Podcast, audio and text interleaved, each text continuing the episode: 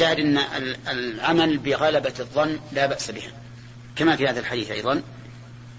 يقول فإذا, فإذا أتانا ربنا عرفنا فيأتيهم الله في الصورة التي يعرفون. فيقول أنا ربكم. الصورة التي يعرفون بماذا؟ ها؟ بما وصف به نفسه في كتابه أو على ألسنة أو على لسان رسوله صلى الله عليه وسلم. وفي هذا الحديث شاهد للحديث الآخر أن الله خلق آدم على صورته حيث دل على أن لله صورة وأن الله خلق آدم عليها. ولكن هل يلزم من كون آدم على صورة الله أن يكون مماثلا لله؟ لا لا يلزم. لا شرعا ولا عقلا. أما لا شرعا فلأن النبي صلى الله عليه وسلم أثبت لله صورة أثبت أن آدم على صورة أن الله خلق آدم على صورته وقال الله ليس كمثله شيء. فنقول صورة لكن ليست مثل صورة آدم. إنما على سبيل العموم هي خلق الله على صورته لكن لا يلزم التماثل. مثل ما نقول يد لله ويد للآدمي لكن لا يلزم التماثل. بسم الله الرحمن الرحيم. وصلنا إلى البحث عن الصورة. فيأتيهم الله سبحانه وتعالى في الصورة التي يعرفون. فيقول أنا ربكم فيقول أنت فيقولون أنت ربنا فيتبعونه. آه،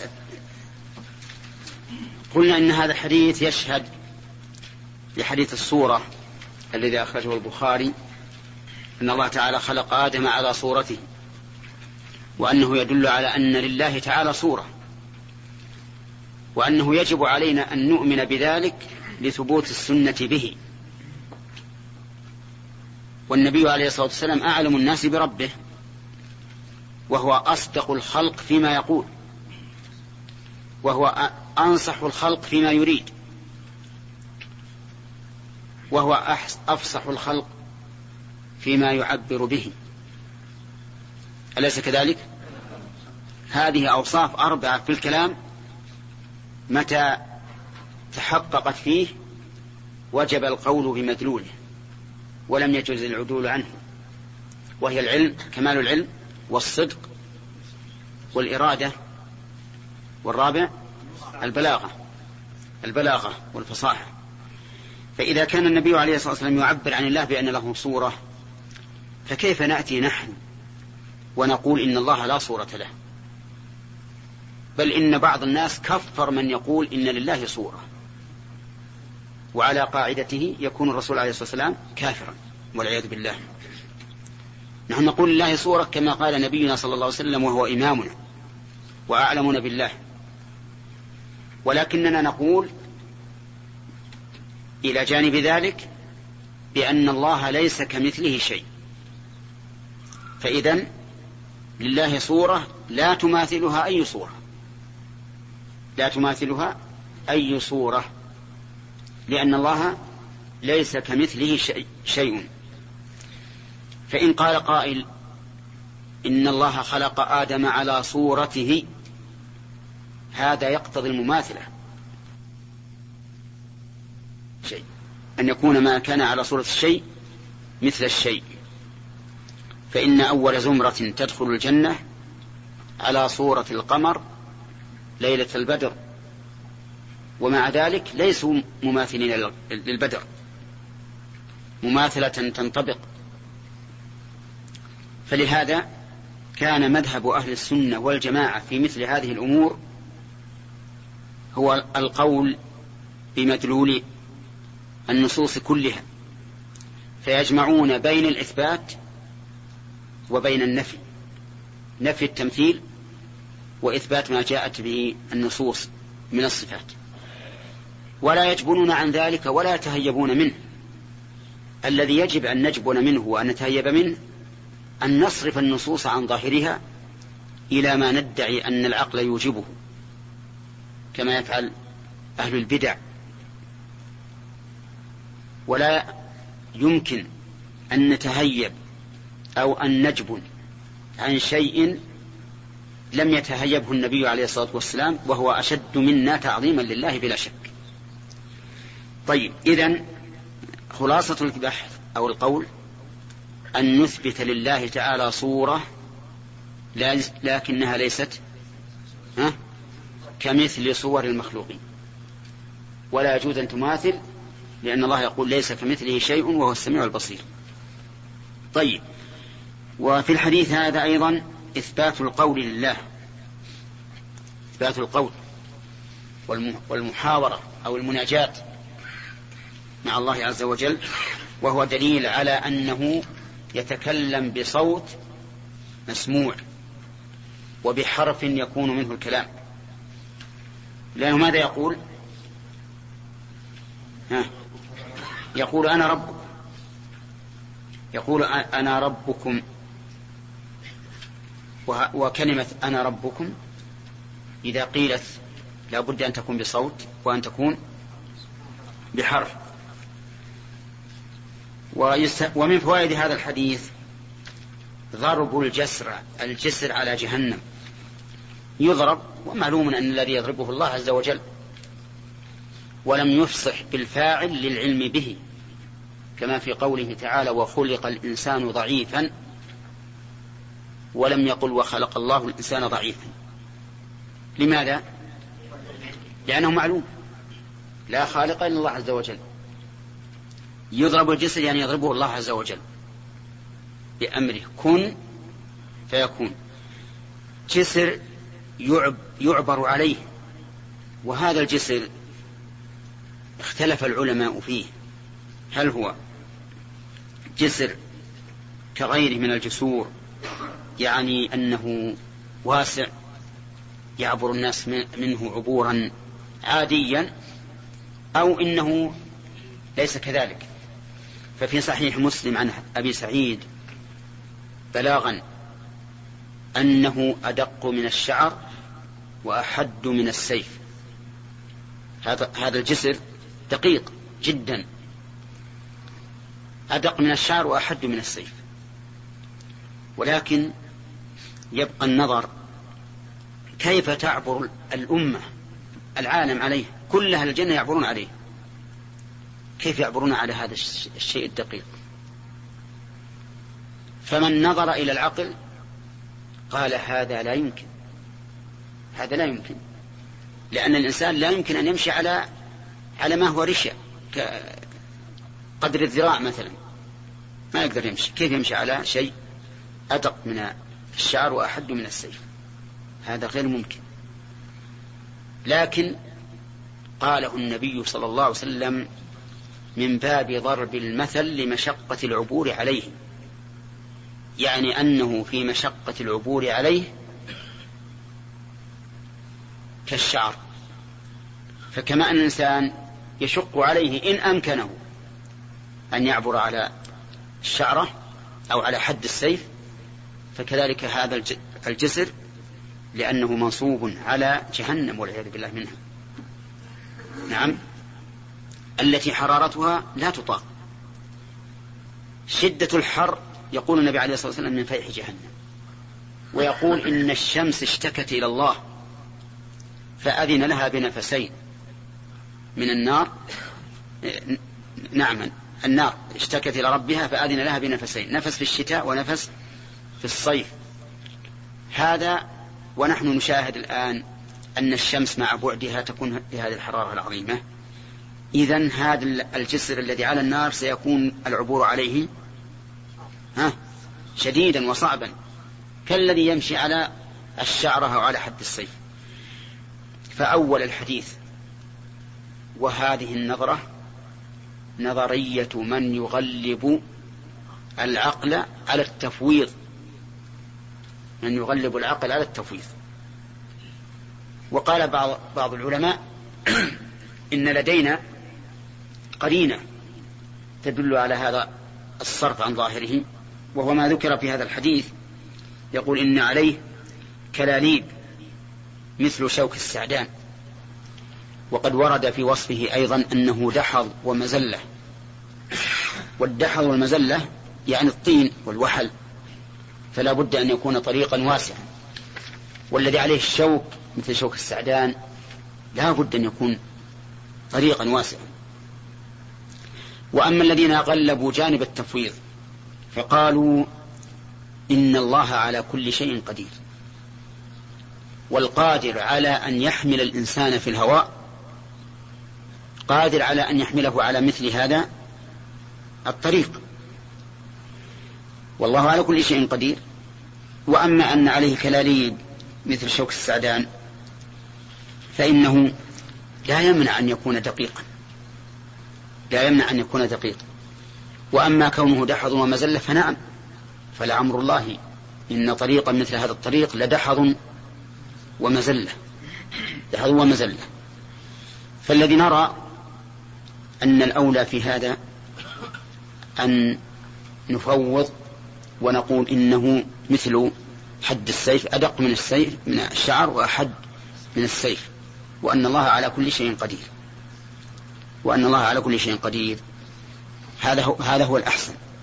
ولكن مع ذلك من خالف فإنه لا يكون خارجا عن مذهب أهل السنة والجماعة. وهذا من المسائل الأصولية التي ثبت فيها اختلاف أهل السنة. وبه نعرف أن من قال لا خلاف في الأصول فإنما عنا به أمهات الأصول. أمهات الأصول لا خلاف فيها. يعني مثلا لم يختلف أهل السنة بأن هناك جسرا يكون على جهنم لكن صفته يختلفون فيها. لا يختلف الناس مثلا في أن هناك ميزانا يوم القيامة. لكن الذي يوزن العمل أو العامل أو الصحف؟ هذا اختلاف يعتبر فرعي. فما نقله كثير من العلماء من أن أهل السنة والجماعة لم يختلفوا في الأصول مرادهم إيش؟ الأمهات. أمهات الأصول ما اختلفوا فيها والحمد لله. لكن بعض التفاصيل أو الصفات لهذه الأصول قد يختلفون فيها. وهذا لا يضر لأن الله عز وجل فاوت بين الخلق. فاوت بينهم في أمور كثيرة كلها سبب للعلم. فاوت بينهم في العلم. يعلم هذا عشرة حديث والثاني يعلم مئة. أيهم أوسع؟ الثاني. أليس كذلك؟ طيب فاوت بينهم في الفهم. بعض الناس يفهم من الحديث مسألتين أو ثلاثا وبعض الناس يفهم عشرا. أليس كذلك؟ طيب إذا يختلف العلم. فاوت بينهم بالإيمان. وكلما قوي إيمان العبد كان نور قلبه أقوى. وكلما نار وكلما كان القلب أقوى نورا كانت رؤيته للأشياء أقوى. لو كان عندك لمبة نمرة عشرة في خط 220 وش تكون إضاءتها؟ ها؟ لا. في عشر وايت سبحان الله أنا ما أعرف ترى كان يمكن أخطأت فيه. في مثلا عشر وفي عشرين وفي مثلا اللمبة هذه أربعين.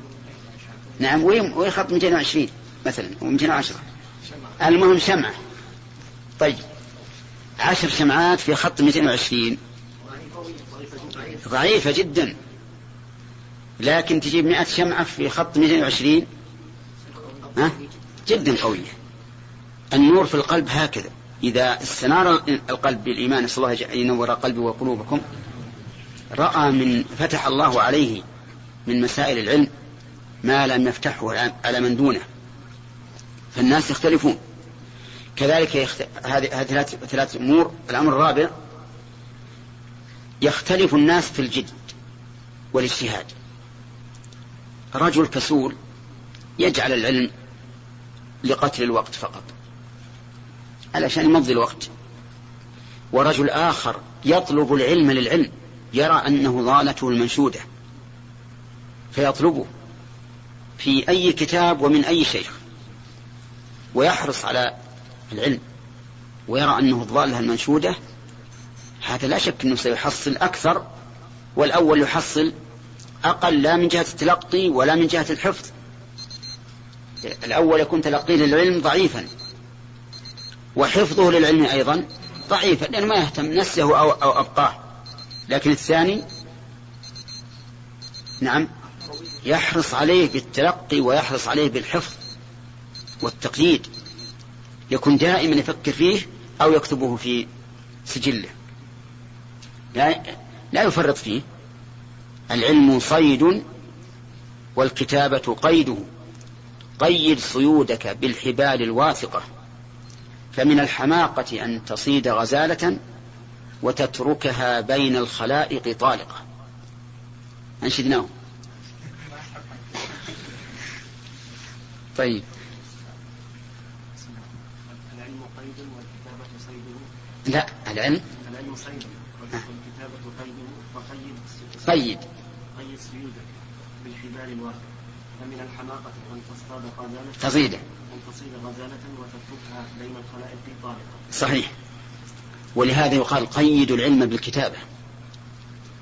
ويقول أبو هريرة لا أعلم أحدا من أصحاب رسول الله صلى الله عليه وسلم أكثر حديثا مني إلا ما كان من عبد الله بن عمرو فإنه كان يكتب ولا أكتب.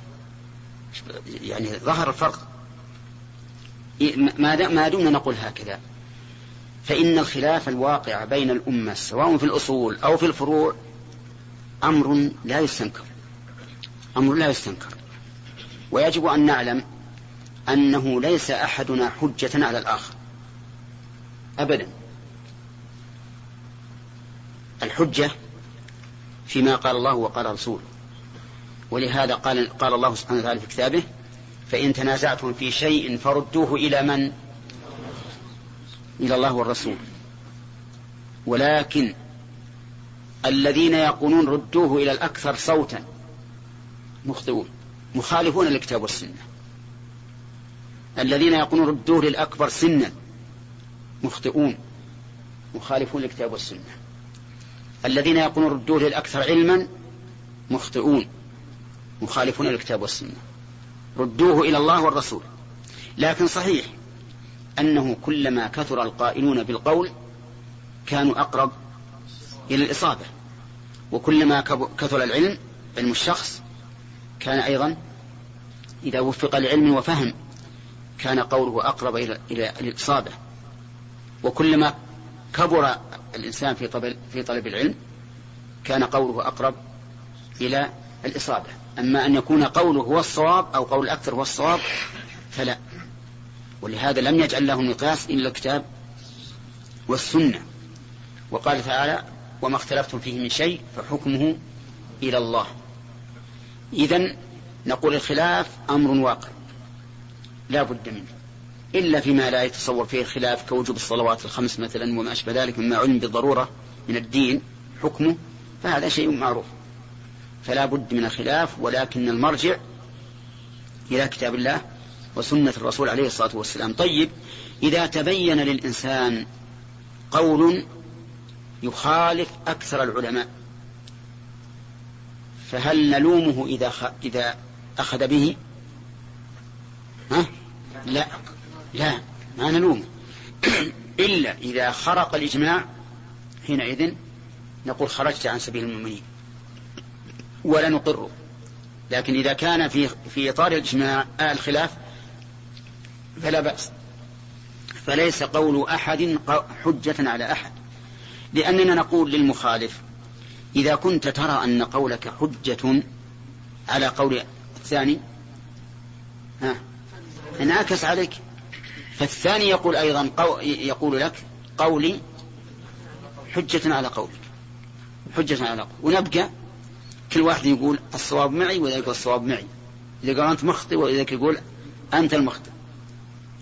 فلهذا نرى أن من من العنت في الحقيقة والحيف والجور أن بعض الناس إذا خالفه أحد بمقتضى الدليل عنده قال هذا خارج عن السبيل.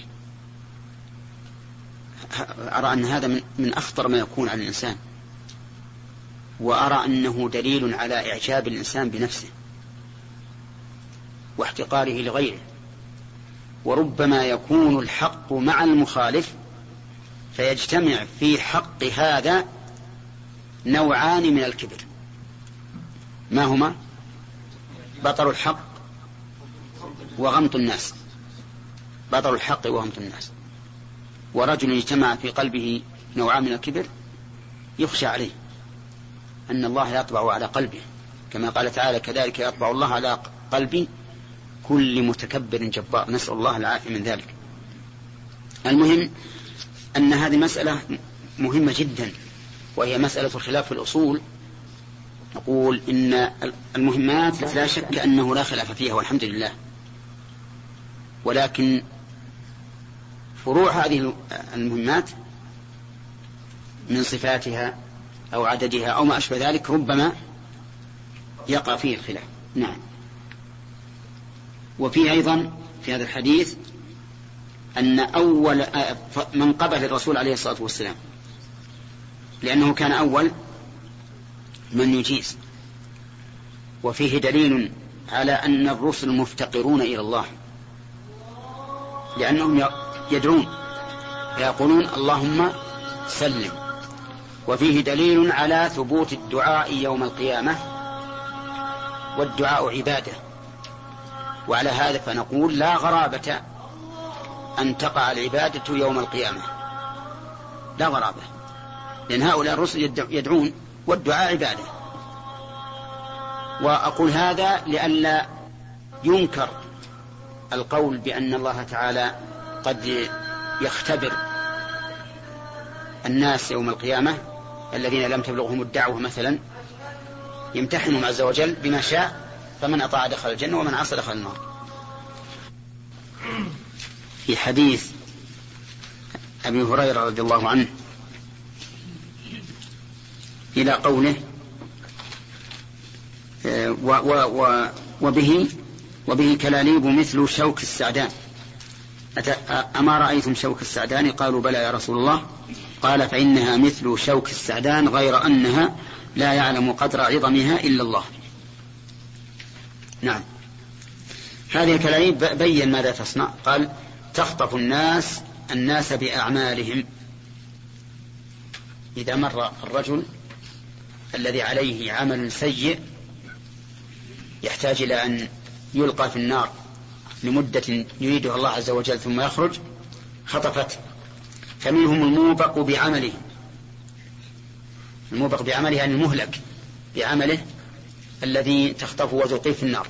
ومنهم المخردل ثم ينجو. المخردل يعني معناها الذي فيما يظهر له عمل وعمل حتى ينجيه الله. يعني يمشي مشيا بطيئا أو متعثرا حتى ينجو. ما عندك؟ بينهما راء ساكنة وهو المؤمن العاصي. قال الفتح ووقع في رواية هنا المجردل بالجيم والجردل الإسراف على السقوط ووهاها القاضي عياض ورجح ابن فرقون رواية القائم والجمل قال العربي المعنى أن كلاليب النار تقطعه فيهوي في النار أو من الخردل أي تجعل أي تجعل أعضاءه كالخردل أو المخردل المصروف ورجحه السفاقسي وهو وقال هو أنسب بسياق هذا هو الظاهر أن المخردل يعني اللي يمشي مشيا ليس معتدلا مستقيما ثم ينجو لأن الأول الموبق بعمله هو الذي سقط في النار وهلك بعمله أي أي بسببه.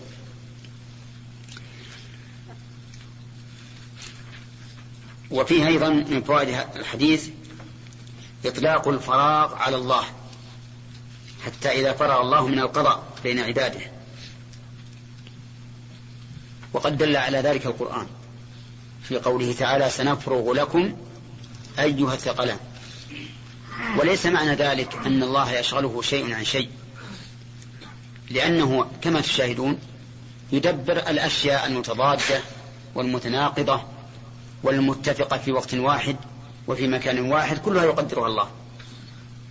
ولكن المراد بهذا أنه سبحانه وتعالى يجعل العناية التامة في هذا الشيء. العناية التامة في هذا الشيء. وإن كان له شؤون أخرى لكن العناية التامة في هذا الشيء. إذا فرغ الله من القضاء بين عباده وأراد أن يخرج من النار إلى آخره.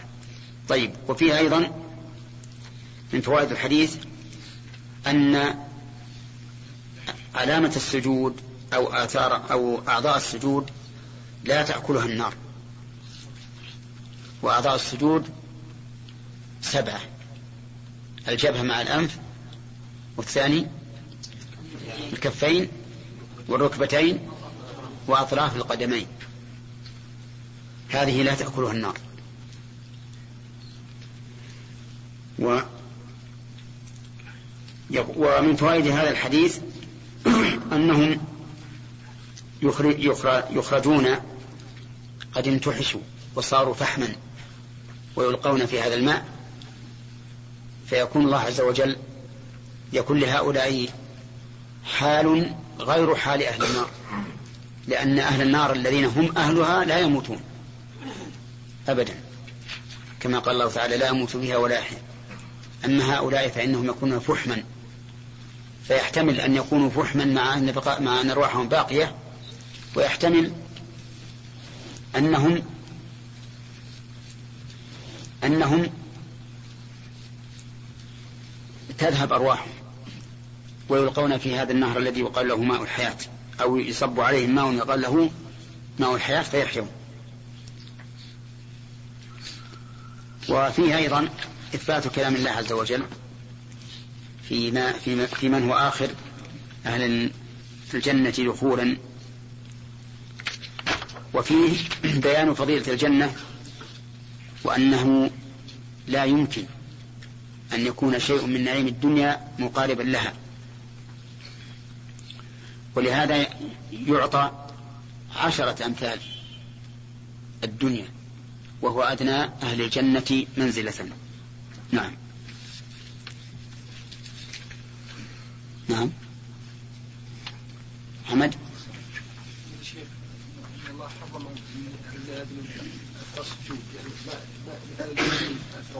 ها؟ نعم. مثل هذا؟ لا المراد العموم. مثل من سأل الناس تكثر مع يوم القيامة وما في وجهه مزعة له. نعم. وحديث مانع الزكاة فيكوى بها جنبه وجبينه يدل على أن النار تمس هذا. الأعضاء تأثر فيها. إيه لكن هل كل أحد يدخل النار في هذه الحال يكون قد منع الزكاة؟ أو ربما أنه في يوم, يوم, يوم القيامة خمسون ألف سنة.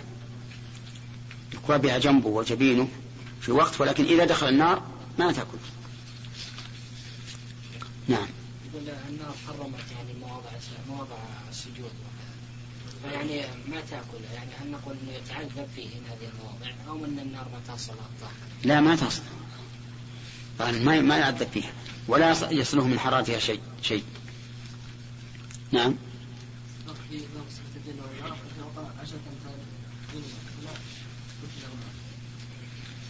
يؤخذ بالزائد. يؤخذ بالزائد. نعم شمس بسم الله الرحمن الرحيم. قال البخاري رحمه الله باب في الحوض. وقول الله تعالى إنا أعطيناك الكوثر. وقال عبد الله بن زيد قال النبي صلى الله عليه وسلم اصبروا حتى تلقوني على الحوض. حدثنا يحيى بن حماد قال حدثنا أبو عوانة عن سليمان عن شقيق عن عبد الله عن النبي صلى الله عليه وسلم. أنا فرضكم على الحوض. وحدثني عمرو بن علي قال حدثنا محمد بن جعفر قال حدثنا شعبة عن المغيرة قال سمعت أبا وائل عن عبد الله رضي الله عنه عن النبي صلى الله عليه وسلم قال أنا فرطكم على الحوض. فرطكم أنا فرط أنا فرط أنا فرطكم على الحوض. ولا يرفعن رجال منكم ثم لا ثم لا يختلجن دوني. فأقول لا يختلجن. ثم لا يختلجن دوني. فأقول يا رب أصحابي. فيقول فيقال إنك لا تدري ما أحدثوا بعدك. تابعه عاصم عن أبي وائل. وقال حسين عن أبي وائل عن حذيفة عن النبي صلى الله عليه وسلم. قال المؤلف رحمه الله باب في الحوض. الحوض هل فيه للعهد الذهني؟ لأن المراد به حوض النبي صلى الله عليه وسلم وهو حوض يكون في عرصات القيامة. يصب فيه ميزابان من الكوثر والكوثر نهر في الجنة أعطيه النبي صلى الله عليه وسلم. هذا الذي يصب عليه من هذا الكوثر أشد بياضا من اللبن وأحلى من العسل وأطيب من رائحة المسك. وجاء في الحديث أن طوله شهر وعرضه شهر. ومع ذلك لا ينضب ماؤه لأنه يصب عليه ميزابان من نهر الجنة كوثر. فيشرب الناس منه ومن شرب منه لم يظمأ بعده أبدا. واختلف العلماء هل لغير النبي صلى الله عليه وسلم حوض؟ فقال بعضهم لا. الحوض للنبي صلى الله عليه وسلم فقط. وقال آخرون بل لهم. أحواض ولكن الحوض الكبير العظيم هو حوض النبي صلى الله عليه وسلم وذلك لأن الأمم في يوم القيامة محتاجة إلى أن تشرب كما كما تحتاج هذه الأمم. فلا بد أن يكون هناك حوض يرده المؤمنون المتبعون لهذا الرسول الذي جعل الله له الحوض. وقوله إنا أعطيناك الكوثر الخطاب للنبي صلى الله عليه وسلم. والكوثر فوعل من الكثرة فهو صيغة مبالغة فيه شيء من صيغة المبالغة. والمراد به الخير الكثير الذي منه هذا النهر الذي يكون في الجنة. ثم ذكر المؤلف حديث أن النبي عليه الصلاة والسلام بين أنه فرط أمتي أي مقدمهم على الحوض. يصل إليه قبلهم وينتظرهم. وأنه يذاد أناس من أمته بل من أصحابه. عن الحوض فيقول أصحابي فيقال إنك لا تدري ما أحدثوا بعدك. إنك لا تدري ما أحدثوا بعدك. وقد سبق الكلام على هذا وبينا أن الرافضة اتخذوا منه وسيلة إلى الطعن في الصحابة رضي الله عنهم. وأجبنا عن ذلك. أجبنا عن ذلك. وقلنا إن هؤلاء الأصحاب قليلون كما تفيده الرواية الأخرى وصيحابي وأنهم قد حصل من بعض الصحابة ردة فمنهم من مات على ردته ومنهم من رجع وأسلم. نعم. حدثنا؟ نعم. الرجل الذي يخرج آخر من النار الرجل الذي يخرج آخر واحد من النار. يقول يقول لا يسأل الله جل وعلا عندما يقرب باب المسجد باب الجنة. فيقول بعزتك لا أصل. ثم يسأل الشيء يسأل يقول أي نعم. هل هذا كذب شيء ولا لا لا. هذا حلف ثم يعجز عن الصبر. فيسأل الله. هذا من باب الطمع في فضل الله عز وجل. نعم. في حديث هنا في حديث. والله لا ما هو ما هو إلا ذاك في الصحة لكن المعنى يؤيده.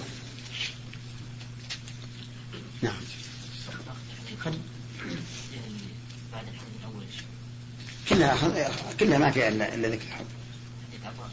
نعم. قرئ قل حدثنا مسدد قال حدثنا يحيى عن عبيد الله قال حدثني نافع عن ابن عمر رضي الله عنهما عن النبي صلى الله عليه وسلم قال أمامكم, أمامكم حوض كما بين جرباء وأذرح أمامكم ولا أمامكم؟ أمامكم. بالنصب بالنصب نعم. أمامكم حوض كما بين جرباء وأذرح وحدثني عمرو شوف وش بينهن؟ جرباء. إيه جربة واذرح جرباء بفتح الجيم بفتح الجيم والموحدة بينهما راء ساكنة. آخره همز ممدود في الفرق. وقال أبو عبيد البكري وعياض بن القصر قال اليوم قال وكذا رأيته في أصل صحيح مقروء من رواية الحافظ أبي ذر ومن رواية الأصيلي. انتهى.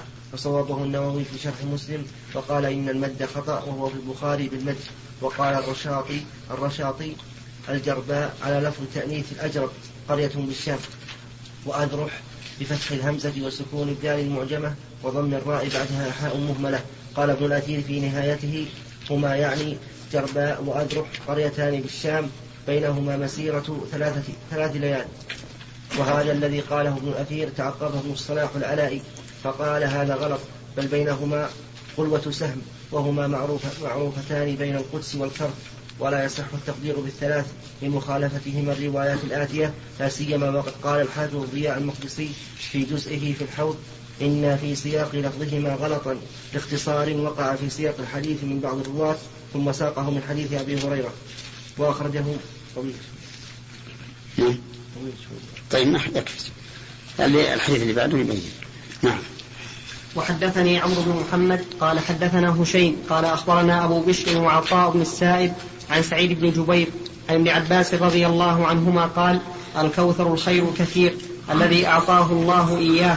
قال أبو بشر قلت لسعيد إن ناسا يزعمون أنه نهر في الجنة. فقال سعيد النهر الذي في الجنة من الخير الذي أعطاه الله إياه. نعم. وحدثنا سعيد بن أبي مريم قال حدثنا نافع بن عمر عن, عن أبي مليكة قال قال عبد الله قال قال عبد الله بن عمرو قال النبي صلى الله عليه وسلم حوضي مسيرة شهر ماؤه أبيض من اللبن وريحه أطيب من المسك وكيزانه كنجوم السماء من شرب منه فلا يظمأ أبدا. هذا سياق تام. واضح. حوضي مسيرة شهر طوله وعرضه. وماؤه أبيض من اللبن وريحه أطيب من المسك. وكيزانه يعني جمع كوز وهو الكاس. كنجوم السماء كثرة وحسنا. ونجوم السماء كما تعلمون كثيرة جدا. وهي أيضا حسنة كما قال تعالى ولقد زينا السماء الدنيا بمصابيح. ومن المعلوم أن كثرة الأواني تدل على كثرة الشاربين. وقد سبق أن أمة محمد صلى الله عليه وسلم تمثل كم؟ شطر أهل الجنة بل ثلثي أهل الجنة. وقول من شرب منها فلا يظمأ أبدا. هذه من آيات الله. أن الإنسان إذا شرب من هذا الحوض فإنه لا يظمأ أبدا لأنه سيكون من أهل الجنة وسيكون في نعيم لا ينفد. نعم. هذا الحديث قبل قبل كم من تعارض من مسيرة شهر قال هناك بين جرباء وأبرح. هذا مما يدل على أنه إما أن أن القريتين ليست هي المراد بالحديث يعني أنه لا يراد بجربة وأذرح القريتين اللي في الشام والتي كل واحدة بين وبين الأخرى ثلاثة أيام أو غلوة القوس الفرس وأن الرسول أراد هذا أو أن فيه مثل ما قال أشار إليه فيه شيء من الاختصار اختصر بعض الرواة وأسقط شيئا ويقول سأذكر الخلاف في موضع مكانه يعني الخلاف إيش؟ خلاف في موضع في مكاني هذين الموضعين في أصل الكلام عن الحديث السادس. طيب. الحديث السادس. كلها ما في إشكال يعني ما, ما في إشكال. لأنه هنا ممكن أنه فيه قرية تسمى جربة وغيرها التي عرفها الشراح. نعم. هو فيها نعم. لا لا بعد النار. يمكن بعد النار. يمكن يمكن. وربما إنهم يدخلون النار ولا يعطشون ما في معنى أهل الجنة الشراب في الجنة تفكرا ولا احتياجا إلى نعم إيه تفكر. هنا نعم. نعم. حدثنا س... شهر الخلاف. الجمع بين مسيرة شهر ذكر. وش قال؟ يقول إنه طويل. إيه وأنا أقول ما له حاجة يعني ما في تكلف. يعني جائز أن تكون الأسماء تختلف. اسماء القريتين نعم. حدثنا سعيد بن عفير قال حدثنا ابن وهب عن يونس قال ابن شهاب حدثني أنس بن مالك رضي الله عنه أن رسول الله صلى الله عليه وسلم قال إن قدر حوضي كما بين أيلة وصنعاء من اليمن وإن فيه من الأباريق كعدد نجوم السماء. طيب هذا أيضا كما بين أيلة وصنعاء يحتاج ينظر كم بينه. ها؟ أيلة بهمزة مفتوحة فتحتية ساكنة فلام مفتوحة بعدها هاء تأنيث مدينة كانت عامرة بطرف بحر القنزم من طرف الشام وهي الآن خراب يمر بها الحاج من مصر فتكون عن شمالهم ويمر بها الحاج من غزة وغيرها فتكون أمامهم وإليها تنسب العقبة المشهورة عند أهل مصر. وصنع من اليمن فتح الصاد والعين المهملتين بينهما نون ساكنة ممدودة. والتقييد باليمن يخرج يخرج صنعاء الشام. بس ولا يذكر وش بينها هي العقبة نعم. العقبة. عقبة واليمن إيه. طويل. بعيد. طيب يمكن شهر. نعم. 3000 كيلو. نعم. يمكن 3000 كيلو. 3000 كيلو؟ كان 3000 كيلو أكثر من شهر. أو أو 2500 نعم. لأن هذه شمال الجزيرة من جنوب الجزيرة إيه يعني كان كذلك 3000 كيلو أكثر من من شهر. لأن الناس كانوا يقطعون ما بين القصيم ومكة لما كانوا يمشون على الإبل حوالي 20 يوم 20 يوما الفرس يمشي أي هذا اختلاف السير يمكن. نعم. شيخنا بين هذا مختصرا أنه يقول يقول فظهر بهذا أنه وقع في حديث ابن عمر حد تقديره كما بين مقامي وبين جرباء وأترك كما بين مقامي. زين. في المدينة. طيب. حدثنا أبو الوليد قال حدثنا همام عن قتادة عن أنس عن النبي صلى الله عليه وسلم حاء وحدثنا هدبة بن خالد قال حدثنا همام قال حدثنا قتادة حدثنا أنس بن مالك قال حدثنا قال حدثنا أنس بن مالك عن النبي صلى الله عليه وسلم قال بينما أنا أسير في الجنة إذ أنا بنهر حافتاه قباب الدر المجوف. قلت ما هذا يا جبريل؟ قال هذا الكوثر الذي أعطاك ربك. فإذا طينه. فإذا طينه أو طيبه. فإذا طيبه أو طينه مسك أذفر أذ- هذا الفرق. اذفر شك هدبة. يعني شك هل قال طينه أو قال طيبه. الرحمن الرحيم. تقدم لنا الكلام على حوض النبي صلى الله عليه وسلم. فما معنى قوله صلى الله عليه وسلم كنجوم السماء؟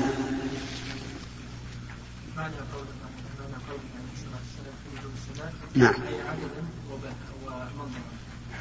عددا وحسنا. طيب. هل الكوثر الحوض أو غيره؟ نعم.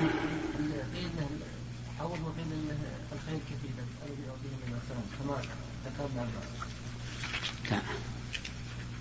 الكوثر غير الحوض. غير الحوض. أي نعم الكوثر هو له ميزابان يصبان في الحوض. يصبان في الحوض. يعني نهر في الجنة وينطلق منه ميزابان يصبان في الحوض. طيب. وقوله إنا أعطيناك الكوثر. خالد ما المراد بهذا؟ إنا أعطيناك الكوثر. سليم.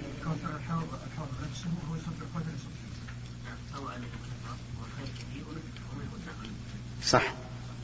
الكوثر في الآية الخير الكثير ومنه النهر الذي في الجنة. إي نعم. طيب.